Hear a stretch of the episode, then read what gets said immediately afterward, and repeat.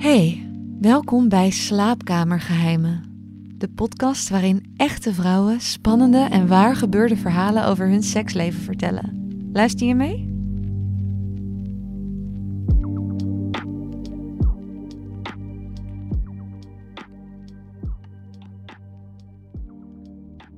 Vroeger haalde ik een man binnen met seks. En omdat hij daarvoor gekomen was, moest ik ook blijven leveren, voelde ik, anders zou hij zeker afhaken. Het was geil en spannend, maar ik merkte ook dat ik me na het klaarkomen vaak leeg voelde, eenzaam. Ik had eigenlijk alleen seks met mijn genitaliën, mijn hart deed niet mee. Als een relatie serieus dreigde te worden, liep ik weg en ik zocht mannen uit die hetzelfde deden. Na de zoveelste relatie die op die manier eindigde, voelde ik dat het anders moest. Ik moest aan mezelf werken en ging in therapie. Het bleek dat ik door de scheiding van mijn ouders eigenlijk nooit had geleerd wat een liefdevolle relatie inhield. Ik had er eigenlijk ook niet echt vertrouwen in, ging er bij voorbaat vanuit dat het toch wel zou stuk lopen, wat het vervolgens ook altijd deed. Vijf jaar was ik bezig om vertrouwen in de liefde te krijgen en ook om mezelf opnieuw te leren kennen en waarderen. Ik kreeg meer eigenwaarde en kon daardoor makkelijker voelen welke mannen me alleen wilden voor de seks en met welke mannen ik echt een verbinding kon maken.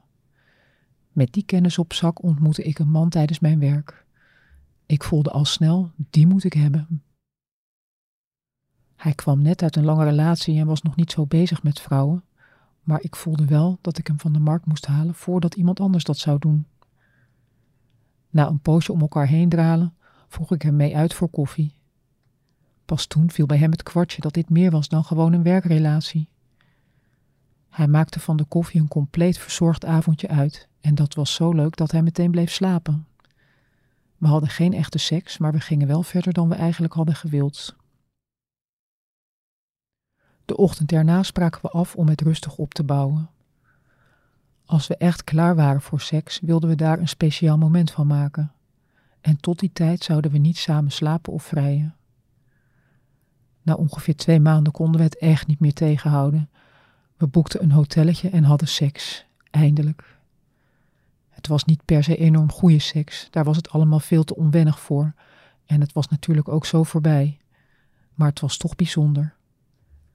Waar seks vroeger voor mij de eerste stap was, voelde het nu als de kers op de taart. Vanaf die dag vreden we veel. En zoals elk verliefd stel hadden we moeite om het bed nog uit te komen. Maar na een jaar werd ik zwanger en toen veranderde alles. Ik werd moe en bleef moe, ook toen de tweede inmiddels geboren was.